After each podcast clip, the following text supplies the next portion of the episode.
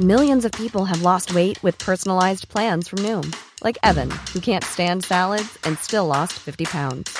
Salads, generally, for most people, are the easy button, right? For me, that wasn't an option. I never really was a salad guy. That's just not who I am. But Noom worked for me. Get your personalized plan today at Noom.com. Real Noom user compensated to provide their story. In four weeks, the typical Noom user can expect to lose one to two pounds per week. Individual results may vary. Here's a cool fact a crocodile can't stick out its tongue. Another cool fact you can get short term health insurance for a month or just under a year in some states. United Healthcare short term insurance plans are designed for people who are between jobs, coming off their parents' plan, or turning a side hustle into a full time gig. Underwritten by Golden Rule Insurance Company, they offer flexible, budget friendly coverage with access to a nationwide network of doctors and hospitals. Get more cool facts about United Healthcare short term plans at uh1.com. Denne episoden er i samarbeid med Kreftforeningen. Som fast giver til Kreftforeningen er du med på å skape håp og forandre liv. Og det både høres ut og er en stor ting. Men det trenger ikke å være en stor sum for deg. For prisen av bare en og en halv frossenpizza i måneden kan du bidra til forskning, behandling og hjelp til livet med kreft og livet etter kreft. Bare det utgjør en forskjell. Så gjør en forskjell. En og en halv frossenpizza. Du kan selvsagt gi mer hvis du vil, og du bestemmer selv om du gir månedlig, kvartalsvis eller halvårig. Ja, det hele er kjempefleksibelt. Det viktigste er at du som fast giver bidrar til at færre skal få kreft, og at flere skal overleve. Gå inn på kreftforeningen.no giver, eller klikk på lenken i episodebeskrivelsen. Som sagt, en og en halv frossenpizza. Bli fast giver hos Kreftforeningen i dag.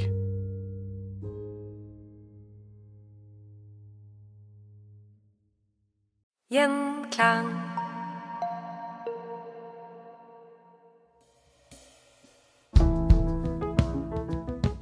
Når vi hører ordet istid, så går tankene fort til isbreer og mammuter, og noen hutrende jegere og sankere. Men så langt tilbake i tid trenger vi ikke nødvendigvis å dra. Med oss for å snakke om klimaforandringer i en historisk kontekst og den lille istiden, har vi klimadirektør Kikki Flesje Kleiven og historieprofessor Eivind Heldås-Seiland. Velkommen. Tusen takk. Tusen takk. Dere har nylig utgitt en bok med tittelen En kort introduksjon til klimahistorie – menneskene og klimaet etter siste istid. Da må jeg spørre, når var den siste istid? Det er en kort periode i jordens historie, en ganske kort eh, periode med kaldere klima, som ligger da mellom middelalderens varmeperiode og den moderne varmeperioden som vi er i nå. Altså den begynner mellom 1200-1300-tallet, og den varer frem til 1850. Og Den viktigste kunnskapen som kom når man begynte å snakke om den lille istid på rundt 1930-tallet, det var at forskere så at den isen som vi har i dag, altså her i Norge, Folgefonna og Jostedalsbreen, slettes ikke var en rest etter den siste istiden for 20 000 år siden, men at denne isen var vokst frem gjennom denne lille istidsperioden. Og så er det jo det at det er jo ikke bare klimaet som endrer seg i denne perioden, det gjør jo samfunnet også. Og det er en periode med veldig store både spenninger og kriser, og også mye utvikling og forandring. Og det som er spennende for oss, er jo hvordan en kan knytte sammen det klimahistoriske og det samfunnshistoriske. Og den, den lille istiden eh, startet på 1200-1300-tallet. Hva var det som skjedde? Det må, noe må ha skjedd? Var det eh, vulkanutbrudd, en meteoritt, en, hva var det? Denne gangen var det ikke meteoritt, men eh, vulkaner spilte en veldig viktig rolle. Det er jo, på disse korte skalaene så er det jo endringer i solflekker og solintensitet, vulkanisme, men også endringer i sjøis og havstrømmer som er det som påvirker klimaet. Og akkurat i denne perioden her så, så, er det lange perioder hvor det er endringer i solintensiteten. Men det som virkelig setter i gang den lille istida sin, det at vi får en, en nedkjøling som varer, altså vedvarer over mange hundre år, det er at det jevnlig fylles på med store tropiske vulkanutbrudd. Og de sender jo da store mengder partikler opp i atmosfæren, areosoler som vi kaller det, vulkanske små partikler. Og disse fører til at sollyset blir reflektert tilbake i verdensrommet, mindre sollys når jordoverflaten, og da får vi nedkjøling. Eh, og det som vi ser da når vi begynner å få den nedkjølingen, er at det skjer forsterkninger i klimasystemet. Vi kaller det gjerne tilbakekoblingsmekanismer. Der nedkjøling påvirker havstrømmene, og spesielt i den nordatlantiske regionen så er det jo Golfstrømmen, som vi sier populært, eh, men altså havstrømmene våre som bringer varme, men også varm luft som kommer. Så det er klart det, når det blir kjøligere hav og kjøligere vann, så påvirker dette bl.a. sjøis. Og når sjøisen vokser, så får vi et stort hvitt dekke på havet, som faktisk også fører til at sol reflekteres tilbake til verdensrommet. Så det forsterker ytterligere nedkjølingen. Så det er flere sammenfallende ting som skjer samtidig her, som, som gjør at denne kuldeperioden vedvarer. Kommer dette plutselig på verdens befolkning, eller var det liksom over tid? Når en ser på utvikling over tid, så skjedde jo dette gradvis. 1300-1400-tallet var ikke veldig mye kaldere enn perioden før hadde vært i gjennomsnitt. Men eh, klimaet ble mer ustabilt, og det ble vanligere med kalde enkeltår. Og så ble det særlig kaldt fra slutten av 1500-tallet og ut på helt til starten av 1700-tallet. Hvis en derimot ser på enkeltår som ble vanskelig pga. klimaproblemer knyttet til kulde eller tørke eller uh, flom, så kom jo de overraskende, sånn som de fortsatt for en stor del gjør i dag. Men folk var mye dårligere forberedt på å møte sånne hendelser, og de skjedde oftere enn de før hadde gjort. Og så var det jo også sånn at Mennesker kunne jo fint merke dette innenfor sin egen uh, levetid. Uh, det ser vi f.eks. på hvordan isbreene utvikla seg, som Kikki nevnte. Mange vil kjenne til Nigardsbreen, som er en arm av Jostedalsbreen i Sogn og Fjordane, som i en periode vokste med omtrent 60 meter i året. Og det er klart det har vært dramatisk Oi. for de som har sett på det. Ja, det må jeg tro. Ja, Den gikk faktisk frem fire kilometer i løpet av 60 år. I alle dager, ja. Det ja. er jo veldig... Og da tenker jeg, da sitter du og ser egentlig breen komme. Ja. Og den slukte jo gard og grunn, som, som, er det spennende med dette. At vi kan jo, i mitt fagfelt, vi kan rekonstruere temperaturene og klimaet i, i denne regionen. Vi kan bruke trestubber, vi kan gå i innsjøbassenger og hente ut sedimentkjerner og finne, se på pålen at klimaet endrer seg. Og så kommer historikerne inn selvfølgelig og kan bruke nedskrevne kilder eh, og beskrivelser, om det er fra kirkebøker eller gårdsbøker eller brev som er sendt med hensyn til skatt. Det er jo en historie der òg. Ja, i den ja. tidligste delen av denne perioden så er det jo kanskje særlig eh, regnskap som forteller noe om hvor mye skatt som kom inn, som kan vise at eh, landbruksproduksjonen var dårligere i noen år enn det den var i andre. Så kan det være krønikker krøniker og historiefortellinger som sier at vinteren var hard, eller at det var flom og uår i et år, og den type opplysninger. Fram på 1600-tallet så får en de første spredte Ehm, temperaturmålingene i Europa også. Og en får eh, dagbøker som forteller om hvordan været har, har, vært, og når en kunne så, og når en kunne høste og sånn. Og disse passer jo faktisk veldig godt sammen, ikke uventa, med de vitenskapelige resultatene fra, som viser klima i denne perioden. Mm. Og så riktig, så Eivind sier også at det har endelig vært uår. Og det er også sånn som vi kan rekonstruere og se at det har vært eh, ekstreme perioder. Flommer, tørke. Men det er jo det at det blir nå Dette skjer over flere tiår. Eh, og da er jo den motstandskraften som er i samfunnet, som, som ikke er til stede. Eh, at de lettere kan, kan vippe over. Og, og, det er klart når du eksempel uh, Noe som vi er veldig opptatt av begge to, det er jo de, de bosetningene på, på, Grønland, de norrøne bosetningene der. Der har det også vært De levde jo gjennom en periode så klimaet endret seg. Men før den lille istid så hadde de også år som var ekstremt kalde.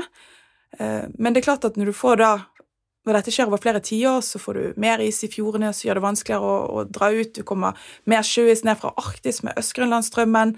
Eh, det blir mer storm. Eh, så det er veldig mange ting som skjer samtidig. Havnivået stiger. Så det er disse mengdene av effekter som, som slår ut samtidig. Et bondesamfunn kan takle ett år et dårlig år, men eh, ti dårlige år på rappen, det blir litt verre.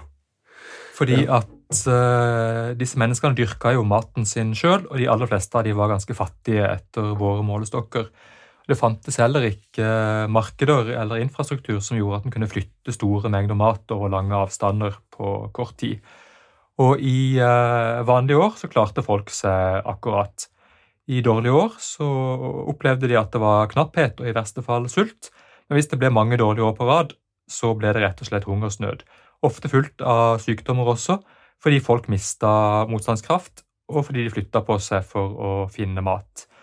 Og Hungersnød det hadde en i alle førmoderne samfunn, men det kunne gå ti år mellom hver gang. Eh, men da, under deler av den lille istida så skjedde dette mye oftere enn det hadde gjort tidligere. Altså, det er jo, dette er jo en lang periode, men eh, ja, dere nevner jo at, at folk flyttet. Så man en, en tydelig endring i bosetningsmønster? Altså det som Eivind var inne på, hvis, du, hvis vi ser på hva er det som skjer med klimaet, hva skjer med værsystemene i denne perioden, så er det jo um, altså vulkanismen og denne nedkjølingen som skjer i, i, atmosfæren, som gjør at havet blir varmere, eller unnskyld, havet blir også kaldere, det påvirker bl.a. et værfenomen som heter El Niño i Stillehavet, um, som gjør at uh, når du forsterker El Niño, så blir det veldig kaldt vann i Stillehavet, og det påvirker værmønsteret over hele verden. Regioner hvor man har vært vant til å ha fast vinternedbør, opplever tørke. Og motsatt, regioner som har hatt eh, gode, deilige varme vekstsesonger med akkurat nok fuktighet sommerstid, de får da langvarig tørke. Så vi får disse store, store endringene og utslagene da, som påvirker jordbruk. Så kommer ekstremvær i tillegg, med flom, tørke og frost. Og det er klart at det påvirker jo bosetningsmønsteret. For det er regioner hvor man ikke kan, ikke kan dyrke lenger, så betyr det at man må bevege på seg. Store deler av Europa opplever jo befolkningsnedgang på 1300-tallet. Kanskje knytta primært til svartedauden, men det starter allerede før det, og det er også knytta til klimaproblemer. Og dette tok det lang tid å hente inn igjen. I Norge så er jo Ødegård et vanlig både stedsnavn og etternavn, og det er ofte knytta til gårder som ble forlatt i tida etter eh, svartedauden, altså tidlig i den eh, lille istida. En ser også at en eh, bruker ikke lenger landet som ligger høyest opp mot fjellet i, i Norge, og, og, heller ikke lengst i, i, nord. Så er det sånn at Tyskland og Sentral-Europa de jo rett og slett en ny befolkningsnedgang på 1600-tallet, knytta både til dårligere klima, til nye epidemier og til de langvarige og brutale krigene som kulminerte med 30-årskrigen. Vi har allerede nevnt de norrøne bosetningene på Grønland, som jo hadde blitt etablert allerede rundt år 1000, som de har forlatt på 1400-tallet. De klarer lenge å, å, tilpasse seg, men på et tidspunkt så går det ikke lenger. Og Også i andre deler av verden, i det osmanske riket og i Kina, så ser en at befolkningstallet synker kraftig på, på 1600-tallet. For i eh, denne podkasten har vi tidligere hatt en episode med tittelen 1600-tallet, det kjipeste århundret. Og det var jo ganske trasig. Men i den, den, episoden så skrapte vi nesten bare på overflaten, for det var jo en god del som skjedde her. Hvordan var 1600-tallet såpass ille klimatisk? Hvordan var 1600-tallet? Ja, 1600-tallet var kanskje den kjipeste delen av, av, den lille istid, hvis jeg kan bruke et sånt uh, populært uttrykk.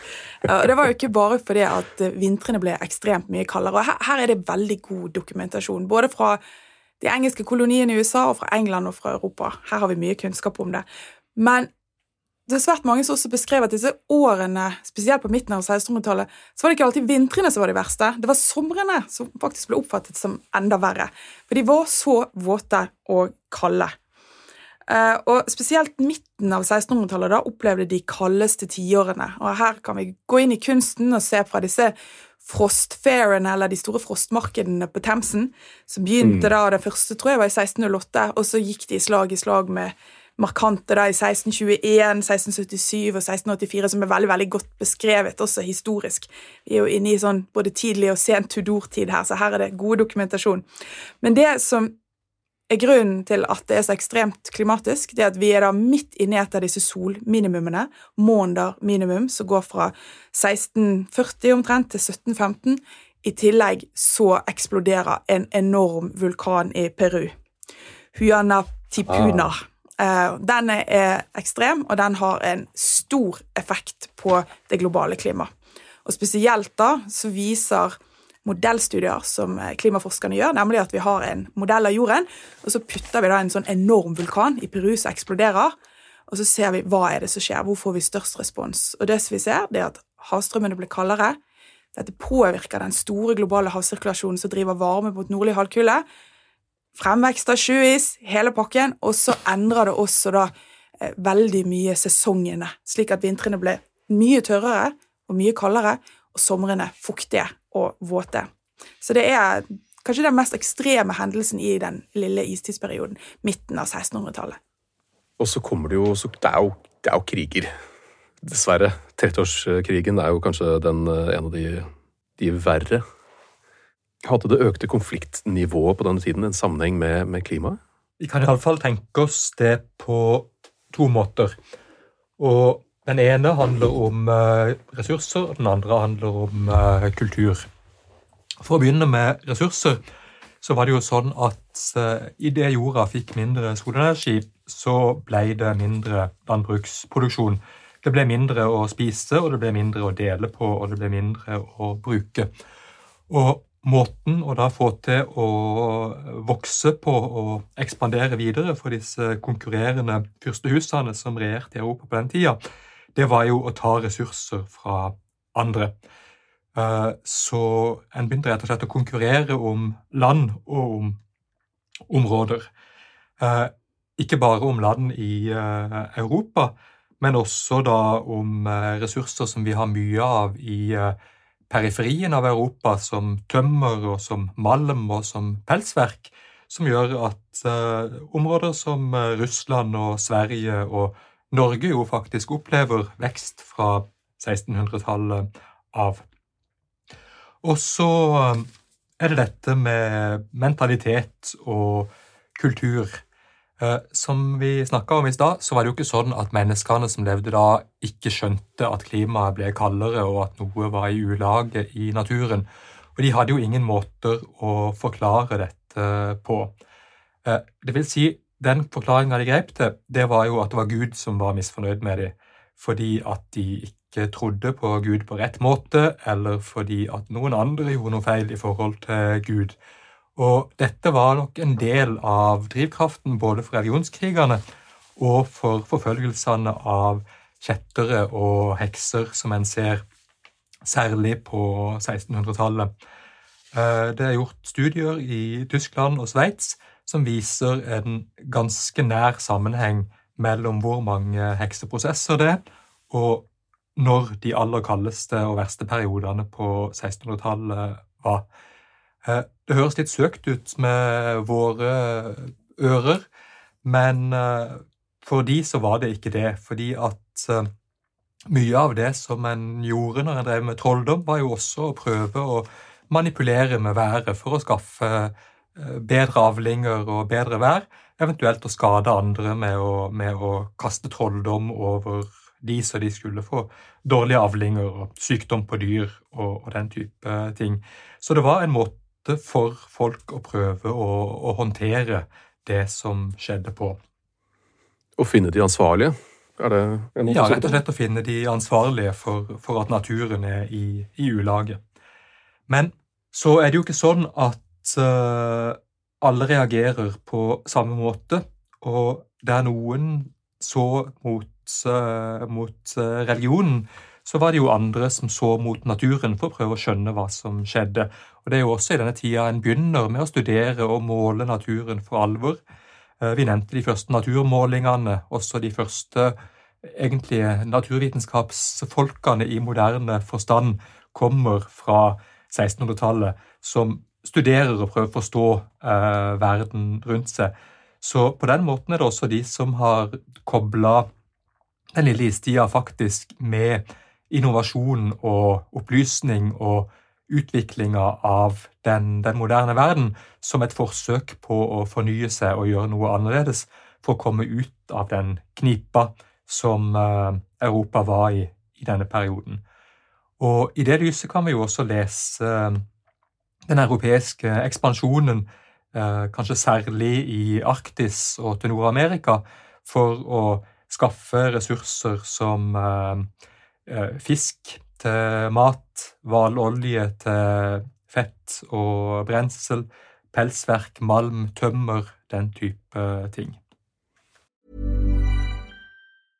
Ready to pop the question? The jewelers at BlueNile.com have got sparkle down to a science with beautiful lab grown diamonds worthy of your most brilliant moments. Their lab grown diamonds are independently graded and guaranteed identical to natural diamonds, and they're ready to ship to your door. Go to BlueNile.com and use promo code LISTEN to get $50 off your purchase of $500 or more. That's code LISTEN at BlueNile.com for $50 off. BlueNile.com code LISTEN. Quality sleep is essential. That's why the Sleep Number Smart Bed is designed for your ever evolving sleep needs. Need a bed that's firmer or softer on either side? Helps you sleep at a comfortable temperature? Sleep Number Smart Beds let you individualize your comfort so you sleep better together. JD Power ranks Sleep Number number 1 in customer satisfaction with mattresses purchased in-store. And now, save 50% on the Sleep Number limited edition Smart Bed for a limited time. For JD Power 2023 award information, visit jdpower.com/awards. Only at a Sleep Number store or sleepnumber.com. Millions of people have lost weight with personalized plans from Noom, like Evan, who can't stand salads and still lost 50 pounds. Salads, generally, for most people, are the easy button, right? For me, that wasn't an option. I never really was a salad guy. That's just not who I am. But Noom worked for me. Get your personalized plan today at Noom.com. Real Noom user compensated to provide their story. In four weeks, the typical Noom user can expect to lose one to two pounds per week. Individual results may vary. Vi har snakket uh, mye om Europa uh, hittil, men hvordan så det ut i resten av verden? Var de like, var f.eks. Asia like preget som uh, ja, England? Ja, Den lille istid, og det er viktig å understreke, det er ikke, det er ikke en global hendelse på den måten at alt skjer samtidig. Regionene reagerer litt annerledes. Og det er også sånn at når, når havstrømmen er de som påvirkes først, så er det også de kystnære områdene som påvirkes raskest. Slik at eh, breene i Norge, for eksempel, som er veldig kystnære, de responderte veldig hurtig. Eh, går vi til USA, så er det også Lille istid der er preget av virkelig iskalde vintre, først og fremst. Ikke så store endringer sommerstid, men det er først og fremst vintrene som blir ekstreme. Og vi ser at Der hvor de norske breene begynner å rugge på seg allerede på 1500-tallet, så må vi langt ut på 1600-tallet før vi ser at f.eks. breene i det som heter Glacial National Park, begynner å bevege på seg. Det er fordi vi er langt inne på et kontinent. Du ser egentlig det samme i Kina også, at denne, den reaksjonen på denne kuldeperioden kommer litt annerledes til forskjellige tider. Men New York beskrives jo blant annet at hele New York havn fryser til. Man kunne raske over isen til Staten Island og New Jersey. Eh, og det er klart det må ha vært eh, Og husk at koloniseringen skjer jo også i denne mest ekstreme perioden. Så mm. kanskje dette liksom, landet de dro til, iallfall i utgangspunktet viser seg å være ganske så tøft vinterstid, med en utfordring. Men eh, drar vi ned til Mesoamerika, altså drar vi ned til Mexico og nordlig, altså Latin-Amerika der, så Mellom-Amerika, unnskyld, så er det først og fremst eh, kaldt og tørt endringer som skjer der. Ehm, og det har jo også vært eh, snakk om at den europeiske koloniseringen, altså det er forsket på det, faktisk kan ha bidratt ytterligere til den lille istid. Nemlig ved at okay. Eh, de europeiske kolonistene hadde med seg mange sykdommer. Dette førte ja. til en voldsom reduksjon i folketall. Jeg tror vi har tall, tallgitt det et sted i boken òg. En anslår jo uh, minst 90% av de som levde i, uh, i Amerika, døde som ja. følge av uh, den europeiske kontakten med Europa. Og de var jo et utpreget landbrukssamfunn som hadde dyrket veldig mye, altså fjernet skog og dyrket. Så når disse bøndene rett og slett dør ut, så vokser skogen tilbake igjen, og skog binder jo mye CO2. Så man mener jo at det har også vært en, om ikke den viktigste, men en, også en, en bidragsyter til, uh, til at det blir kaldere. Eh, men akkurat disse kalde og tørre periodene ser vi også i Asia. Eh, eh, godt beskrevet med mer ustabilt vær, mer frost. Én grad kaldere i Kina høres kanskje ikke mye ut, men det betyr veldig mye i et jordbrukssamfunn, der det selvfølgelig påvirker sesonger. Og i Midtøsten 1621 da fryser Bosporos-stredet over. Og det er jo vanskelig å se for seg i dag, men det er også veldig sånn godt beskrevet og dokumentert. og det som kjennetegner jordbruket i Tyrkia, i den regionen, er at de er veldig avhengige av vinternedbør. Eh, og når vinternedbøren uteblir, så blir dette endringer. Tørke på middelhavsøyene, ikke minustemperaturer der ute, men, men uh, viktig påvirkning med, med, tørke. Lavere flom i Nilen. Og, og, India, da, som er helt monsunavhengig. Altså Nesten all nedbøren i India hvis det, det kommer litt fra Himalayene, den smelter, men den viktigste, viktigste nedbøren er monsunen. Og når du har da endringer i uh, El Niño i Stillehavet, så påvirker det monsunen i India. Høres ut som litt sånn sommerfugleffekt, men vi kaller det eh, sånn klimakoblinger, der én klimaregion i verden er koblet med en annen. Så det er også noe som, som kjennetegner klimaendringene i denne tiden. Og det er vulkanismen da, som, som, forsterker veldig mye av de værfenomenene. Nå, faktisk nå i år så har vi et El Niño-år, og man frykter for hva som vil skje med monsunen i India. Så dette det er jo noe som skjer i dag, men, men under den Elis tid så ble dette veldig forsterket. Og um, så er det jo vinner og taper av dette. Noen bevarer jo sin styrke til tross for, uh, til tross for uh, disse endringene, mens andre samfunn opplever mye større ja, både reaksjoner i befolkningen og, og kanskje endringer i ledelse i toppen. Ja, og det er jo spennende når det er sånn at det er noen områder av verden som uh, klarer seg bra gjennom denne krisen, og det kommer styrka ut, og det er andre som uh, ikke gjør det. Um, vi nevnte det osmanske uh, riket. Jeg kan ikke oversette disse tallene direkte til befolkning, men, men skatteinntektene gikk ned med omtrent 40 under den lille istid i forhold til det de hadde vært tidligere. Og det har jo gjort staten sin mulighet til å drive politikk, også til å drive krig mye eh, mindre enn det han hadde vært. Og, vi ser jo at ekspansjonen til Det osmanske riket langt på vei stopper opp i eh, denne perioden. I uh, India klarer seg veldig godt gjennom 1600-tallet under uh, mogulkeiserne som styrer i, i, mye av India uh, da. Og det blir faktisk knytta til at uh, de har visse sosiale ordninger som sørger for at bøndene kan få såkorn etter dårlige år og for å avhjelpe hungersnød og den type ting. Det er ikke det at ikke de blir rammet av problemene, men de, de, klarer seg likevel gjennom de.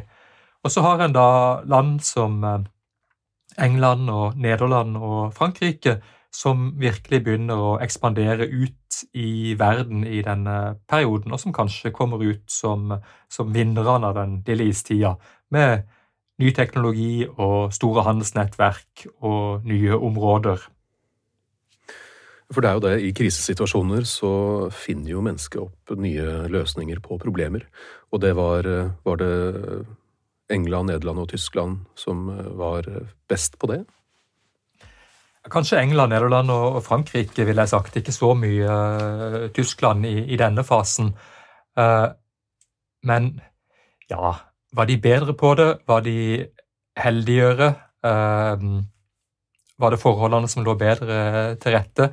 Det er ikke så godt å, å, si, men de kommer i alle fall godt ut av det.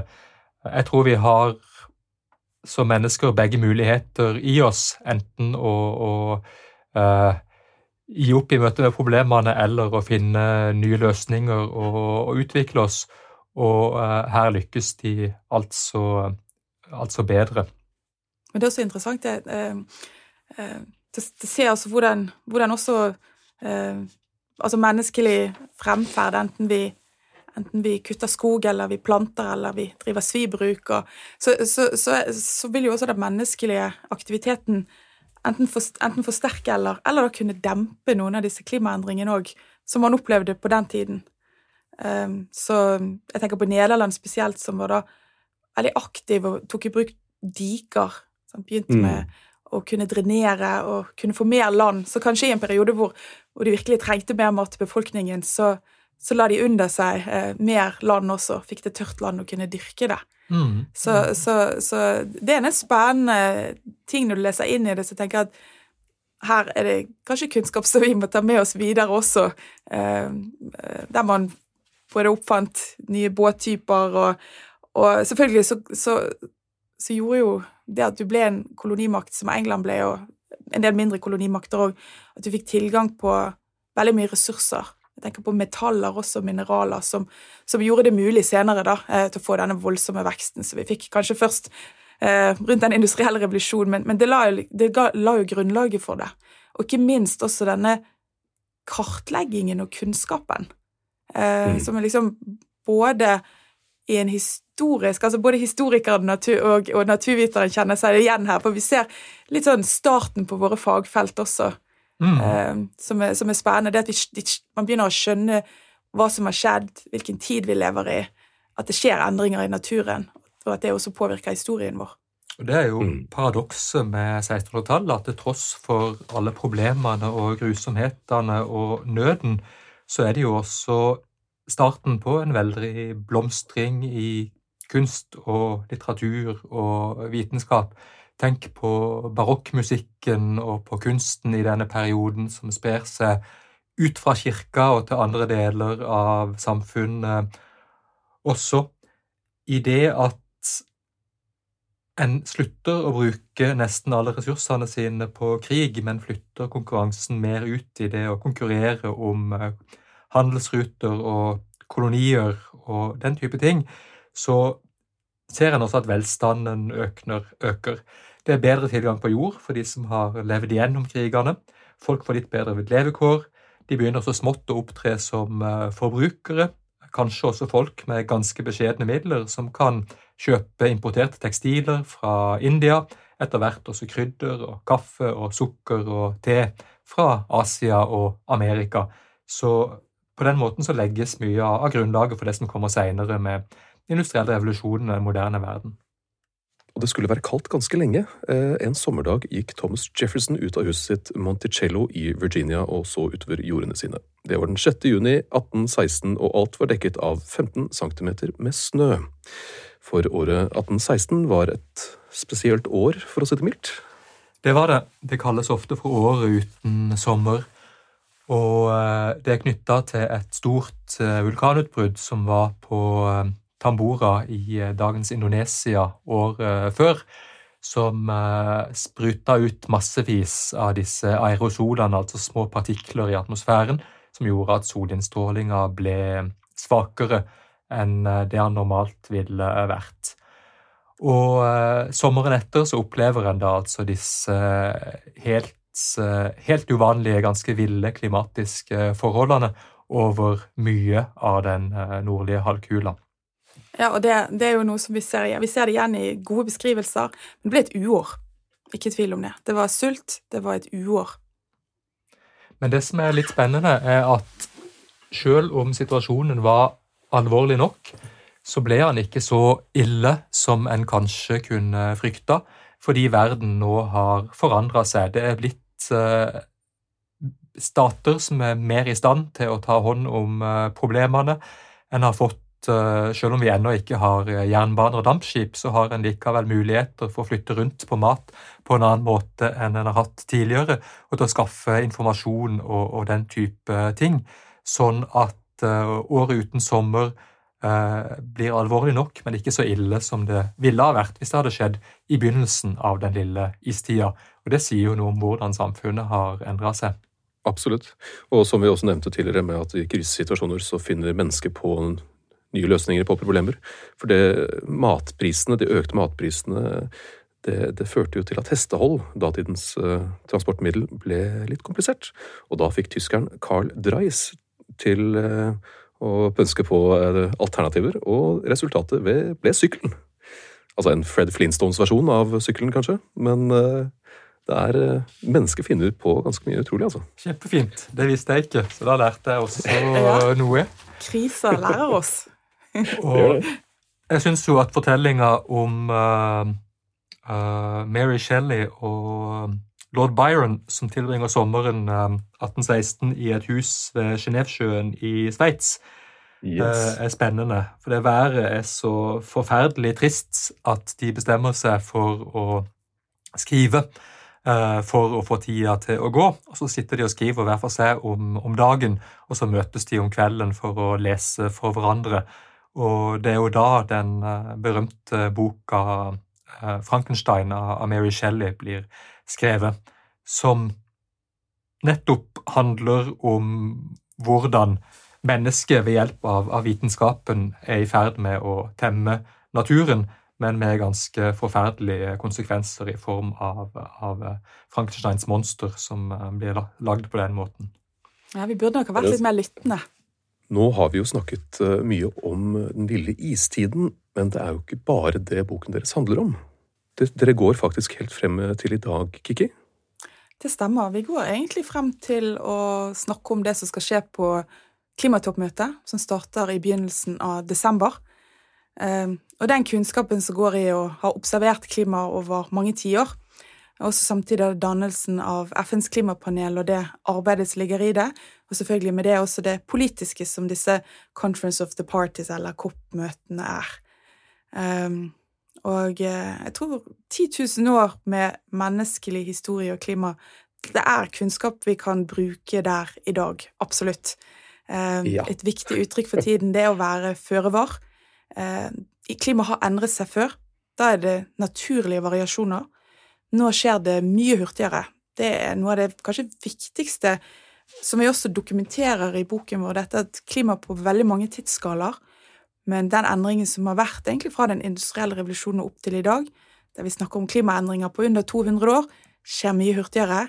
Eh, og vi ser i klimasystemet at responsen er også veldig hurtig. Her er ikke det bare en havstrøm som endrer seg, her er det hele det globale klimasystemet som endrer seg, med is og havnivå og temperatur og tørke og flom. Eh, og kunnskapen er jo det at vi må ta i bruk metoder politikk, muligheter nå, før vi når en situasjon med klimaendringer som blir uoverkommelig, som blir for vanskelig for oss å takle. Og så er det jo også det at de største klimaendringene de skjer i de deler av verden som i dag står for minst utslipp, der eh, utfordringene vil bli mye større. Så det ligger et budskap i boken også om å vite det at historien gir oss egentlig muskler og muligheter og kunnskap til som vi kan ta i bruk i dag. Føre var, det er kanskje det viktigste vi tar med oss. Fine visdomsord. Og hvis uh, lytterne ønsker å lære mer om dette, så er det vel bare å finne boken deres i enhver ålreit uh, bokhandel? Absolutt. Da gjenstår det bare å takke dere Kikki og Eivind for denne praten. Og så kan vi avslutte med et utdrag av Byrons Darkness på norsk. Jeg hadde en drøm som slettes ikke var en drøm. At vår skinnende sol ble slukket Før det var. For eh, bilder og funfacts er det bare å sjekke ut historier som endret verden på Instagram. Og hvis du foretrekker å dypdykke ned i norsk historie, så er det bare å lytte på historier som endret Norge. Vi høres. Gjenklang.